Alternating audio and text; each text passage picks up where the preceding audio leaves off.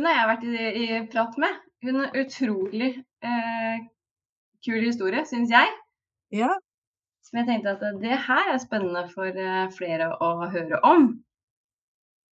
Har du lyst til å fortelle altså Du kan jo fortelle din historie selv, eh, Veronica.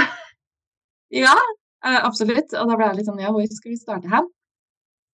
Det er jo egentlig en sånn eh, lang historie her. Vi kan starte med egentlig når I forbindelse med at jeg alltid hva skal jeg si, voksenlivet og alt det der. Altså, jeg har alltid vært veldig driftig og engasjert. Og øh, forsøkte å passe inn i liksom, A4-livet, blant annet.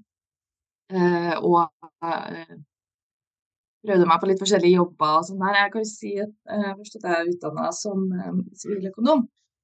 For det da, da, ble vi anerkjent, og det var veldig viktig. og så Men for hver gang jeg prøvde liksom å passe inn i den min forestilling om hva en uh, suksessfull kvinne, eller hvordan jeg skulle føle meg, alt det der. Uh, hvordan jeg skulle ha en lederrolle osv. Hver gang jeg, jeg, gikk inn i den, så bare, bare tok det sånn tre til seks måneder, så bare falt det helt sammen. Hver gang. Um, og så oppdaga jeg, eller hadde jeg en sånn um, jeg er veldig nysgjerrig på, på utvikling av mennesket og, og uh, hvordan våre monitale prosesser er, og psykologi og litt forskjellig. Um, alltid vært meget interessert. Og i 20, eller det var i 2017 um, så tok jeg kontakt med han psykologen som er i Big Five. Uh, dere, nei, den der Harald Eia-podkasten. Sånn er du, eller noe sånt. Ja.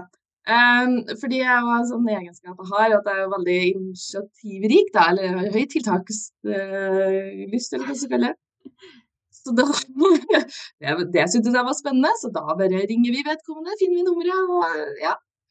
Så da hadde jeg en prat med han, og så sier han um, Ja, litt bakgrunnssak der først, da. Uh, da hadde jeg uh, ett år før det, så hadde jeg hoppa av liksom, på en måte karrierestigen av firelivet, og så starta jeg mitt eget selskap innenfor eiendom. Fordi at ja. uh, det har jeg alltid vært veldig interessert i eiendom. Og når jeg var vi tar et sidespor her. Når jeg var student eh, så, på økonomi, så oppdaga jeg at eh, når jeg skulle flytte til Trondheim, at eh, for prisen av en hybel så kunne jeg kjøpe en leilighet med samme lånekostnaden. Det var et prosjekt som kaltes for Ungbo, der at det var små leiligheter med muligheten til å leie ut en hybel der. Eh, og det var eh, Traff på et sånt underprisa marked osv. Det var dippen under finanskrisa. Så da, der starta det. Og det balla på seg, så jeg var kjent som bolighaien under når jeg studerte. Fordi at mitt engasjement lå jo på, på eiendom i stedet for studiet.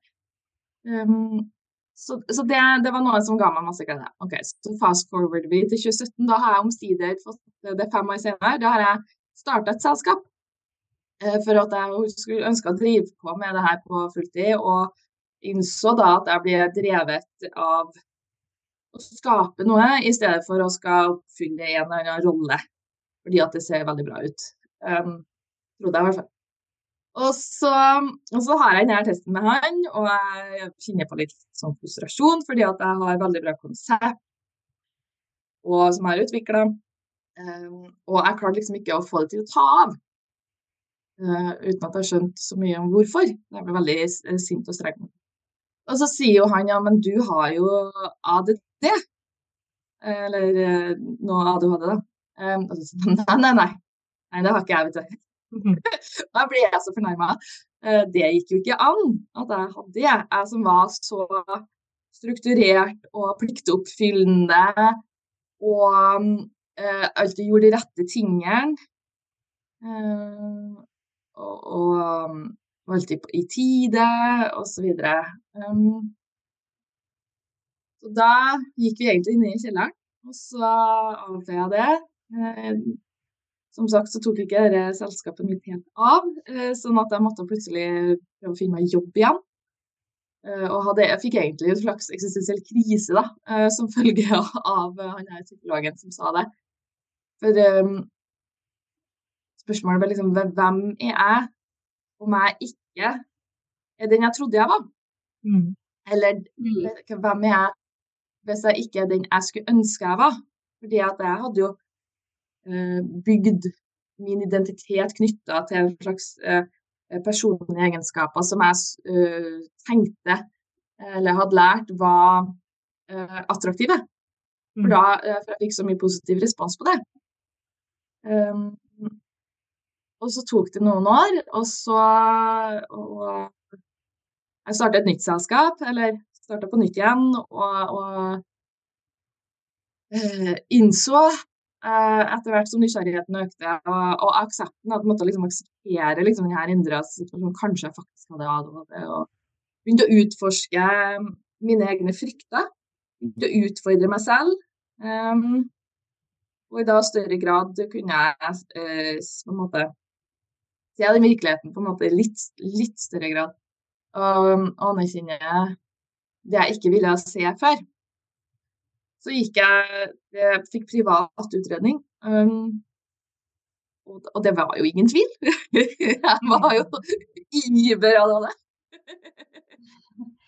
um, og da måtte jeg liksom Ja, da begynte jeg å omstille ting. Og, begynte, og da For det første så ting begynte å make sense. Uh, sånn I stedet for at jeg jobba skikkelig hardt for å liksom legge lokk på diverse egenskaper som jeg ikke likte så godt med meg selv, så begynte jeg heller å vri liksom, på den der perspektivet. Og så begynte jeg å se hvordan kan jeg gjennom å akseptere det her uh, og ha fokuset på de uh, styrkene jeg har, uh, skape meg eller endre da mine omstendigheter, omgivelser, sånn at jeg kan thrive, da, som man sier på engelsk. Mm. Og jeg skal love dere, da skjer det mye gøy. Ja. Er det noen, ja. kan jeg bare spørre om noe, er det noen sånne positive egenskaper som utpeker seg i forhold til gründerskap? I forhold til gründerskap så er det en risikovillighet som man ofte som går igjen til folk med ADHD, som, uh, som jeg har uh, Jeg ser alltid muligheter. Jeg ser veldig sjelden hindringene. Um, positive, andre positive ting er at jeg er veldig engasjert. Og jeg har dermed en tendens når man er veldig engasjert, har en tendens å få meg folk på laget. Um, det er min veldig viktige gründer.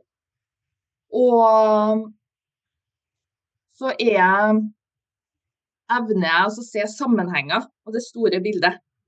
Og her er det sånn at begge deler er, det er både positivt og negativt. Sånn som for min del eh, så bør jeg kanskje ikke være det er ikke optimalt for, min, for meg å ha en detaljorientert eh, eh, hverdag, da. Eh, for da kommer jeg til å bruke ufattelig mye energi på noe som jeg egentlig ikke kommer naturlig for meg. Eh, men hvis jeg da, da eh, har oppgaver eh, som da fokuserer på å dra sammenhenger og se helheten, noe som er veldig nyttig i en gründertilværelse, så Eh, så det eh, har jeg opplevd det som en fin ting. Og I tillegg så kan jeg si arbeidskapasiteten som man da har. spesielt, altså Man har jo perioder. Perioder så er det sånn intenst jobbing og, og, og fokus. Det er hyperfokuset. Um, og så da akseptere samtidig at man må ha hvileperioder. Det var det jeg slet med før. Jeg nekta å anerkjenne at jeg trengte hvile. Så jeg var jo på høygir til enhver tid, og så krasjlanda jeg, og så var det på'n igjen, og så krasjlanda jeg, og så ble jeg Men nå, i den anerkjennelsen av det, så bruker man det heller som en styrke. Det er bra. Jeg har akkurat sendt melding til Linda og sagt at jeg har sommerferie nå.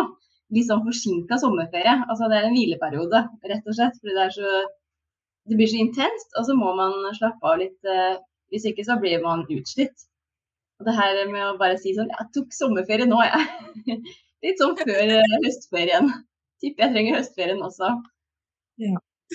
Er du god på å ta ferier?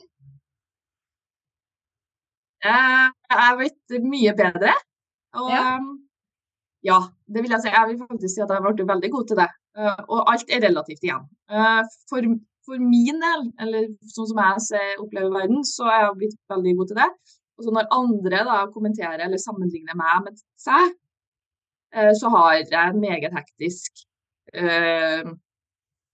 hverdag. eller ja, hverdag, men, et liv, da. Der mye skjer. Men så er det sånn at for eksempel så reiser jeg ganske mye. Jeg flyr mye. Um, så jeg får gjøre da en måte å veie opp for klimaet klima på det der. Men uansett, jeg flyr mye. Og det er en stressende situasjon for mange. Mens for meg, i reise, så finner jeg ganske mye ro. Uh, ja. For når jeg sitter på et fly, så kan ikke jeg være tilgjengelig. Og da er det ikke noe annet masse ting jeg må få unna, så da har jeg heller lært meg å bruke de som lommer for å koble helt ut. Så når jeg er ute og flyr, så kan jeg sitte og meditere, egentlig. Det gjør jeg ofte. Og da, f.eks. innenriks i Norge, da, som er ca. en times tid, da får jeg faktisk en time meditasjon. Og meditasjon er jo en av de verktøyene som jeg har lært meg for å roe ned ganske mye. Eh, som er mm. veldig effektiv for min del. Og i tillegg så Det var jo en av tingene som jeg innså for et par år siden, at i stedet for at jeg måtte ha med meg noen på diverse aktiviteter uh, for å kunne gjøre noe, så står jeg faktisk fritt til å gjøre det selv.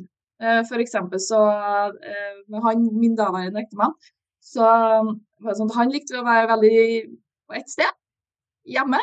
Mens jeg er veldig glad i nye opplevelser. Det gir meg masse energi. Um, og da var jo det en kilde for frustrasjon, for jeg ønska ikke å oppleve. Det var sånn jeg lada. Um, men jeg trodde jeg måtte ha med han. Vi måtte jo oppleve det her sammen. Vi måtte jo dit, vi måtte att. Så når jeg innså jeg på et tidspunkt at oi, men jeg kan jo bare dra selv alene. Hvordan er det?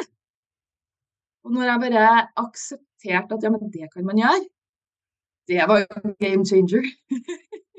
så det var utrolig, utrolig spennende, for da får jeg da kunne jeg justere, for det går jo mye på tilpasning og sånn, da kunne jeg justere etter dagsformen på en måte aktivitetsnivået jeg gjorde. Og så fikk jeg møtt uh, nye mennesker som ga ga masse fint påfyll. Og jeg fikk sett nye omgivelser. Er du glad i å reise, Linda? Nei. Blir du stresset? Eh, jeg, altså det hun forklarer med det parforholdet, er jo akkurat sånn som det er her hos oss. Bare ja. motsatt. At jeg er mannen. Du liker å være i ro, og så liker andre part å reise. Ja. ja. Men det når hun fortalte nå, det gir jo fullstendig mening. Ja. Hvor, hvorfor han er så glad i det. Ja. Det gir masse påfyll av energi. Så du alle lyspærene over her? Bare ding, ding, ding. Men det er ikke sånn for alle, da. Fordi sånn som jeg er, eh, jeg er veldig glad i å reise, men jeg syns det er skummelt å gjøre det alene. Og det handler jo om denne ADHD-en som gjør at man blir litt sånn Mange hverdagslige ting kan bli litt utfordrende. Mens eh, sånne kjempegode i kriser og kjempegode på jobb og kjempegode på mange ting. Og så kan det være en, sånn, en del sånne hverdagslige ting som kan faktisk være ganske utfordrende. Så hvis man er helt alene, så kan det bli en litt sånn eh, I hvert fall i meg så vekker det en sånn liten redsel for sånn Oi, kommer jeg til å klare det? Mm. Selv om jeg vet jo at jeg kommer til å klare alt sammen. Jeg klarer jo alt jeg vil, men det er bare en sånn liten redsel der. Så, så det er artig vi sier det, for jeg sitter akkurat nå på flyplass. Jeg ja. sitter og har Jeg satt utenfor her i stad og bare OK, jeg må ha et møterom, liksom, for jeg er inne på loungen på innlandet her. Um, og så banka Og det er jo en sånn ting da, vet du, som eh, Nå hopper jeg litt her, men sånn som før så hadde det vært veldig vanskelig for meg å kreve den plass her. Uh, men eh, så bare jeg kan ikke sitte ute der i fellesarealet og ha uh, podkastinnspilling.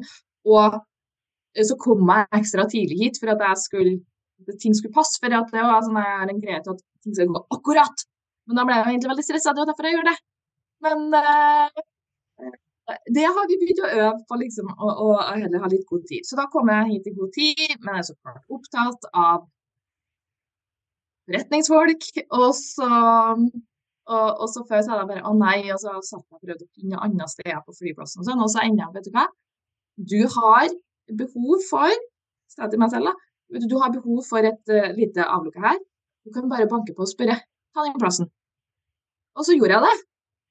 Og så, for det var, ikke, det var ikke alle som satt i møtet her, men, og da var det en eh, som bare Du ser at han er sånn OK, ja, nei, jeg er egentlig ferdig til klokka ni. Og så, og så bare går han ut, liksom. Uh, sånn, så sier jeg supert, takk, kan jeg bare lure meg inn da. Så det ordna seg jo. Ikke du tok din plass? Men, tok plass? Mm. Jeg trengte det. Så lytta jeg jo til mine behov, og så respekterte jeg det. Det er faktisk litt skummelt, men det gikk fint. Det gikk fint, selv om det er skummelt? Ja, ja. Da har du utfordra en frykt i dag også? Ja da. Det er jeg stor fan av. Ja, ja. Det var jo veldig overveldende for meg før òg. Og så Selve det å være på flyplass det kan jo fremdeles være overveldende for meg med alt støy. Jeg tar inn veldig mye. Det Ja. ja. Eh, så jeg skal innrømme at jeg, altså jeg, er det en lounge, så drar jeg dit. Jeg tar, eh, fordi at det, det er mye stillere. Eh, så har jeg lært at det funker for min del. Og økonom som jeg er, skal jeg si, da, så har jeg jo funnet ut at prisen for å komme inn, om man må betale, er som regel det samme som du må betale for en bagett og en brus eller hva det skal være da, på flyplassen uansett. Ja. Det er jo gratis mat innpå der. Um, så har jeg liksom argumentert det, da. For det ja. Men hva er det du driver med i dag, Veronica? Ja, det er så fint å spørre. Uh, I dag så har jeg nettopp starta med at jeg driver, holder foredrag og workshops for uh, bedrifter og ja, uh, enkeltpersoner. Eller sånn, både imot bedrift og imot personutvikling. Da. Så kult. Så ja, det er veldig gøy. Og, da handler det egentlig om Foredragene typisk er at jeg beskriver egentlig min gründerreise og hvordan jeg har aktivt begynt egentlig å bruke frykt som um, en eh, Hva skal jeg si en, Som et grønt lys, eller som, et, som en lyspost i hvor jeg skal hen. Ja. Uh, nesten som et trafikklys. Uh, så for min del, så det å utfordre frykten, altså gjenkjenne forskjellige versjoner av frykt Frykt er som regel med dagens uh, leveomgivelser som vi har i Norge, i hvert fall, så er det på en måte noe som holder oss tilbake. i stedet For de skal jo egentlig passe på oss, de skal holde oss trygge. Men vi er jo trygge. Um, og da har det blitt på det nivået at vi hindrer oss selv i å ha det bra gjennom at frykten styrer. Frykt styrer de fleste beslutningene som vi tar i løpet av uh, dag. Og, jeg, og jeg, gikk, jeg, var mye mer nevrotisk og engstelig og stressa før, for det var jo en måte jeg eh, leverte på. Det var en motivasjonsfaktor for min del. Jeg tror jeg sikkert det er flest som kan kjenne uh, i det. Um, og så når jeg faktisk begynte å utfordre det her, og sette meg selv i situasjoner som var skumle, um, med en bevissthet om Jeg hadde noen verktøy da, som jeg hadde lært meg i kassa, Eh, for hvordan jeg på en måte skal ta vare på meg selv når jeg blir redd. Så i stedet for å lytte til frykten, eh, og i stedet for å bli streng med meg selv, så klarte jeg å omfavne det. Og dermed så har det egentlig blitt en katalysator, og du blir litt avhengig av å skal Jeg er avhengig av det samme. Jeg gjorde det samme som deg i 2020. Og sa alle de tingene som hodet mitt sa nei til, det sa jeg ja til av sånne ting som skremte meg litt. Fordi jeg var så engstelig av meg. Så det var eh, sånn, det hindret meg å gjøre mange ting. Så hver eneste gang noen, jeg hadde så innmari lyst til å klatre, så var det noen som sa sånn Ja, men Martha, har du lyst til å være med og klatre? Og alt inni meg bare sånn Nei, det er farlig. Og så jeg bare Ja, det har jeg lyst til. Og så gjorde jeg det. Og jeg har jo møtt uh, min største frykt, sånn både med høyder og dette med å fall og alt mulig rart. Det er en ubehagelig følelse. Det er masse adrenalin, og du, første gang så tror du på en måte at du at du ikke skal overleve. Kroppen din tror det. Og så går det jo over. Og det var en sånn kjempebefriende følelse. Og bare sånn Jeg sier ja når eh, kroppen min sier nei, eller liksom hele instinktet mitt sier nei. Og det var eh, en sånn vekker, rett og slett. Og det er sikkert den samme vekkeren du har fått. Ja, ja. Ja. ja jeg husker bare, jeg var i Det var, var det, det var 2020 eller 2020, 2021, kanskje det var. Uh, så ehm, jeg gikk til en ehm, Jeg hadde samtale med en slags terapeut, uh, eller en veileder, kan du si. Eh, og så skulle han arrangere en eh, skogstur. Det vi var tolv ukjente mennesker da, som skulle være med på denne turen. Det var under koronatiden.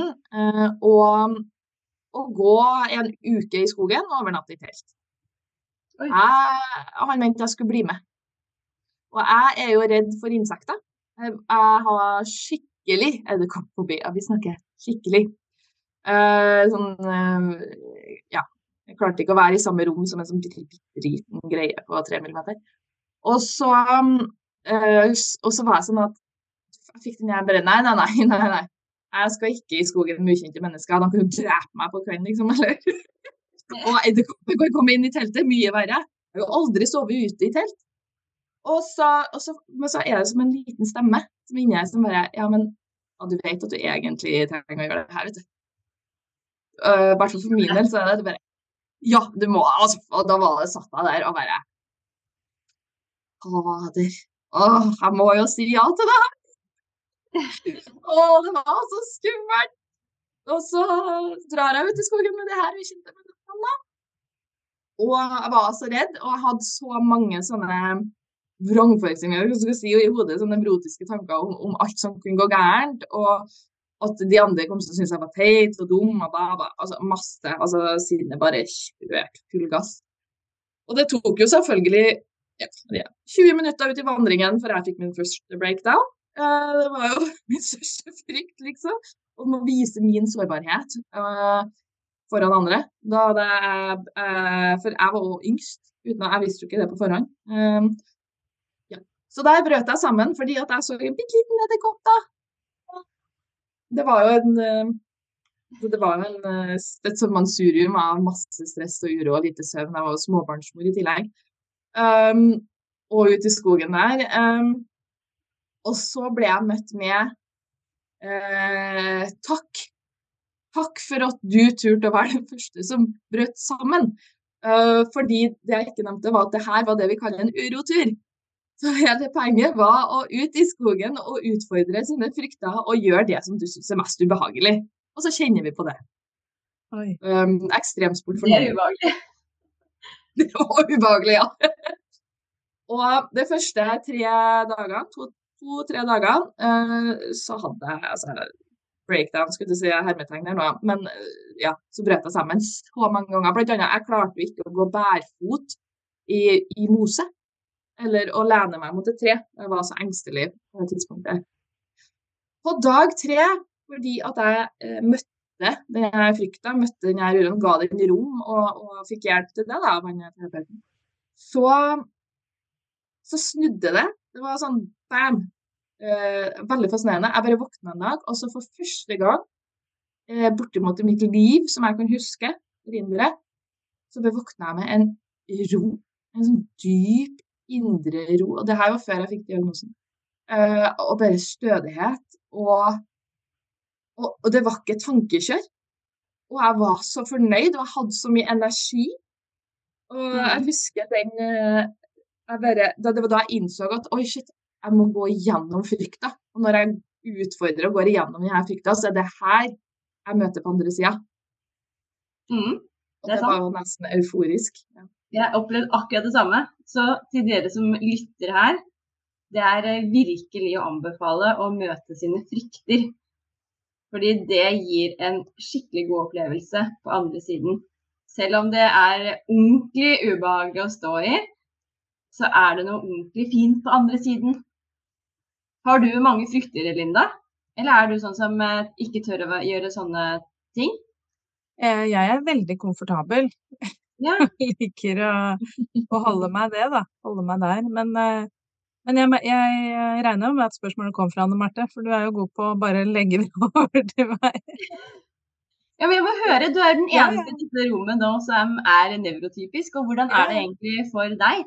Nei, jeg er som sagt veldig forsiktig og komfortabel og veldig klar over all type risiko. Så jeg øver meg jo på det samme som dere. Så når da samboer her sier skal vi ta en tur til Australia i to måneder med tre barn, så skriker jo hele meg nei. Men da faktisk, det her har, jo, har vi jo gjort, da.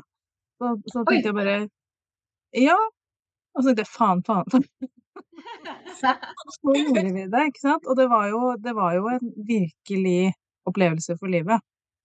Mm. Ja, Jeg øver meg på, når han da har lyst til å reise og ta med seg oss, ikke sant, barna og sånn, så så er jo alltid utgangspunktet mitt nei, det orker jeg ikke, men jeg prøver å si ja, og så tenker jeg da får jeg jobbe med de greiene etterpå. Jeg Ja. veit at jeg blir dritsur noen dager før, og så men jeg nå skjønner jeg det i hvert fall, da. Jeg prøver å liksom, ja, håndtere Det det. er Akkurat stresstermometeret som er sånn fylt opp, og så bare før ja. reise, og så går det bedre, litt bedre. Ja, Og nå nå er det sånn at, eh, det er ikke sikkert alle her er enig i det, men jeg tør å påstå at nå nå tror jeg ikke det merkes så godt at jeg stresser. Fordi jeg jobber så veldig med det da, og håndterer det. Så jeg går jo inn i den og det jeg veit ikke om det kan kalles frykt, men det er ekstremt ubehagelig og slitsomt og bekymringer og Jeg er, er også veldig sensitiv for lyd. Ja. Nei, jeg liker det ikke. Men, eh, jeg liker jo å være på tur og ha og komme hjem fra tur. Ja, sant. Ja. Det er det er så interessant at du sier det, fordi at det er jo den der erfaringa av at, øh, hvis jeg Altså den den bevisstgjøringa som egentlig må til, at vi må, øh, øve opp, evnen til å, se på en måte litt lengre perspektiv. Hvis jeg står ut ubehaget her nå, så kan det skje noe bra etterpå, og så lærer kroppen seg det på en måte etter hvert. Ja. Vi venner oss på. Mm. Bare er på tør å god vei, meg. Ja. Ja. Jeg prøver. Før vi runder av, Veronica, har du noen gode tips til de som lytter, som er eh, gründerspirer, er gründere, lurer fælt på det her, da? Har du noen tips til de? Ja, um, det eh, har jeg absolutt. Eh, For de som er gründerspira, så vil jeg for det første si egentlig bare hopp i det. Det betyr ikke at du skal gjøre som meg og si opp jobben og ikke ha noe særlig forutsigbar inntekt på. Det finnes mellomting. det er eh, eh, Det må ikke være svart-hvitt. Um, og for det andre, eh, du kan planlegge så mye du vil, men det hjelper lite. Det er gjennomføringa som teller hver gang. Mm. Hils en som har brukt mesteparten av tida på å planlegge og ikke gjennomføre. og så er det sånn at i dette livet så kommer vi til å, å oppleve ubehag uansett hva vi gjør. Uansett hvor mye vi prøver å unngå det. Så det er like greit å være forberedt på det, vite at det kommer, og, og stå i det. Og for hver gang så blir det enklere og enklere. Og det, det lønner seg å lære seg å stå i det ubehaget. For at du vokser så raskt, og din på en måte motstandsdyktighet imot ubehag eh, som man trenger når man skal være gründer. For at det er du, du balanserer altså i ytterkanten av komfortsonen, og egentlig på andre siden av den hele tiden. Så, så er det noe med å finne balansen, eller finne ro på en måte i kaoset. Og det gjør du ved å, bevisst utsette deg selv i mindre eh, doser for det her stresset. på en måte, Så øker du motstandsdyktigheten, og dermed så klarer du å ta bedre beslutninger og ivareta deg selv og dem du er glad i, eh, i når, det, når det stormer. da. Og så en siste ting som er kjempeviktig, som jeg har glemt å si, eh, er husk å ha det gøy. Det Ja. er så viktig å ha det gøy. Vi blir voksne, og så tenker vi at nei, men nå skal vi være voksen. Og da må vi være ansvarsfulle, og da må det være ditt og datt og datt og ditt. Og jeg hadde helt glemt det, viktigheten av på en måte lek. da. Uh, Å gjøre ting bare fordi det er gøy. Mm. Det gir deg energi. Og for det kommer du til å Uansett om det er gründer eller ikke, det trenger vi. Mm. For det er så mye ansvar og i hvert fall for dem som har barn, da.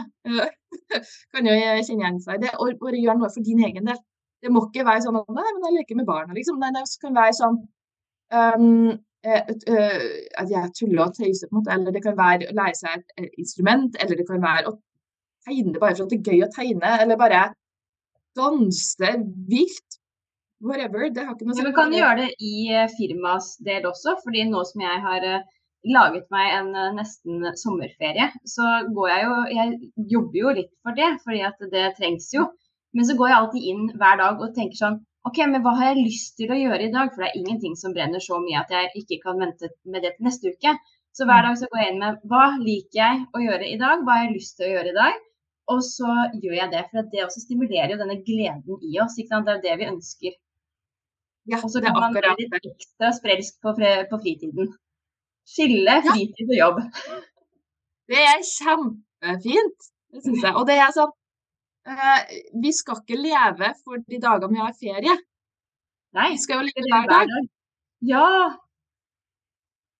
ja. Det håper jeg flere gjør. Det var en veldig god avslutning, eh, Veronica. Lev hver dag, ikke lev for disse feriene. Mm. Det syns jeg var eh, nydelig, en nydelig måte å avslutte på. De som vil eh, se og høre mer til deg, hvor finner man deg? Er du i sosiale medier, eller? Jeg er i sosiale medier, eh, både eh, på LinkedIn og Instagram, og så har jeg egen nettside. Så min nettside er veronikatislov.romo.no. Eh, Der er det òg litt oversikt over foredragene jeg holder. Eh, Og så er det på Instagram er det Veronica understrek Romo. Så er navnet mitt fra LinkedIn, da. Så det jeg elsker å møte nye folk, så hvis det er noen som er nysgjerrig eller har spørsmål, sånn, så det er bare å ta kontakt. Mm. Blir vi glad. Veldig bra. gøy. Skikkelig gøy å snakke med deg og høre historien din. ja, og tusen takk for at jeg fikk komme og dele. Det var så fint å snakke med deg. Bra. Takk i like måte. Yay.